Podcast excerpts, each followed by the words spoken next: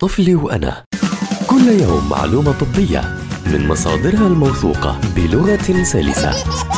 طفلي وأنا عبر أجيال مع أخصائية الأطفال وحديثي الولادة سما برغوثي.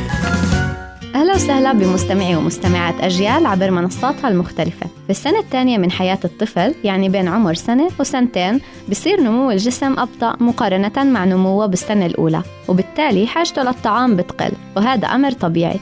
لكن مهم نتأكد إنه وزنه وطوله ومحيط رأسه بالحد الطبيعي على منحنيات النمو عند طبيب الأطفال. مهم كتير بهاي السنة نترك مساحة للطفل إنه يتحرك لكن بشكل آمن بدون ما يأذي نفسه. استنوني بحلقة جديدة من طفلي وأنا حتى نحكي عن معلومات بتتعلق بصحة الطفل.